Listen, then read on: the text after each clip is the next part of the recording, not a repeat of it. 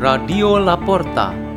The door is open for you for the growing of knowledge and wisdom of God.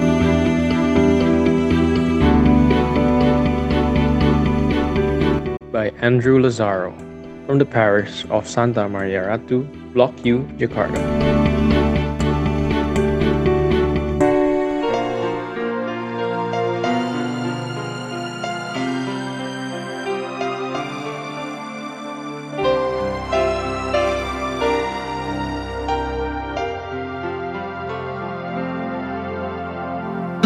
Reading and meditation on the Word of God. Thursday of the first week of Advent, December 3rd, 2020. The Feast of Saint Francis Xavier, priest and patron of the mission.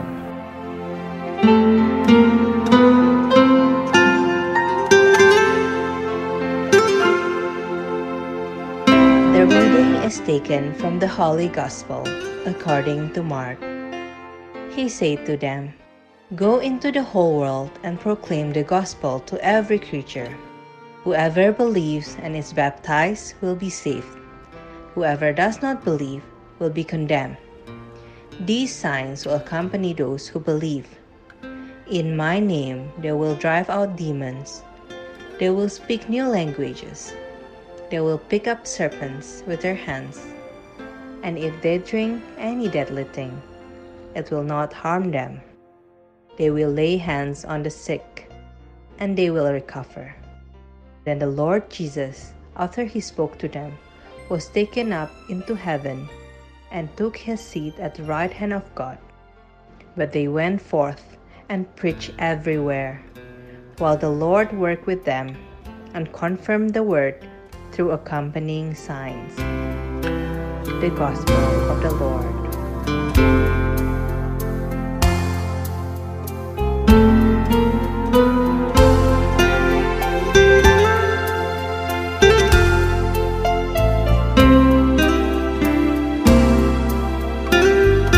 theme of our meditation today is Woe if the gospel is not preached. The Catholic Church in Indonesia has a special regard for Saint Francis Xavier. This Spanish missionary also planted the seed of Christian faith in the Indonesian archipelago. He lived in several regions of Indonesia. He also reached a number of neighboring places such as Japan, China, and India.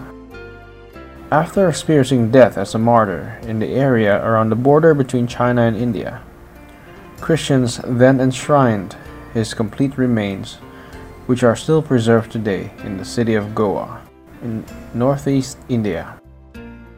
Before the arrival of Saint Francis in a number of Asian regions, oral stories were told that there were several regions in Asia which also included Indonesia, which has been visited by several missionaries. Thanks to the earlier period, the people of Asia seemed to experience some sort of advent for the presence of the Catholic Church and evangelization. They looked forward to the right time for the evangelization. Then, the formation of the Christian community and their unity with the universal church. In this time of Francis's missionary labor of spreading of the gospel, we need to see this as a portrait of the universal church. The letters Francis sent to the general of his congregation, Saint Ignatius of Loyola, who was in Rome and Europe, truly illustrated how Francis wanted to spread the gospel to the world and remain connected to the whole Catholic Church under the leadership of St. Peter, namely in the Pope in Rome. This spirit of Francis was very similar to that of St. Paul in his missionary activities in the New Testament.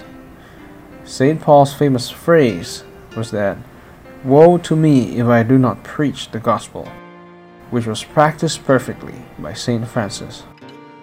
The Asians, especially the Catholic Church, love Francis very much. Even for the Indonesian Catholic Church, day of his death, December 3rd, is a feast in the liturgical celebration. This means that St. Francis' place is at the heart of the living faith of the Indonesian Catholic Church. The Asians love him so much that his holy place in the Indian city of Goa has become a world class place of spiritual pilgrimage, and his remains are kept there, not taken to be preserved in Europe, or especially in the Basilica of St. Ignatius of Loyola in Rome. Francis Xavier is a martyr who was full with the spirit of Advent. He inspired the whole church and each of us to stretch out our arms and step out our feet to reach out to those who are not yet close to God, so that all our, of our lives are always on guard because God will visit us when we are not aware of it. Let us pray. In the name of the Father, and of the Son, and of the Holy Spirit. O Lord, bless us, that especially today the Spirit of Saint Francis Xavier may fill each of us, our families, communities, society, and the Church. Hail Mary, full of grace, the Lord is with thee. Blessed art thou amongst women, and blessed is the fruit of thy womb, Jesus. Holy Mary, Mother of God, pray for us sinners, now and at the hour of our death.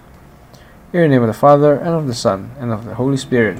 Amen. Radio La Porta. The door is open for you.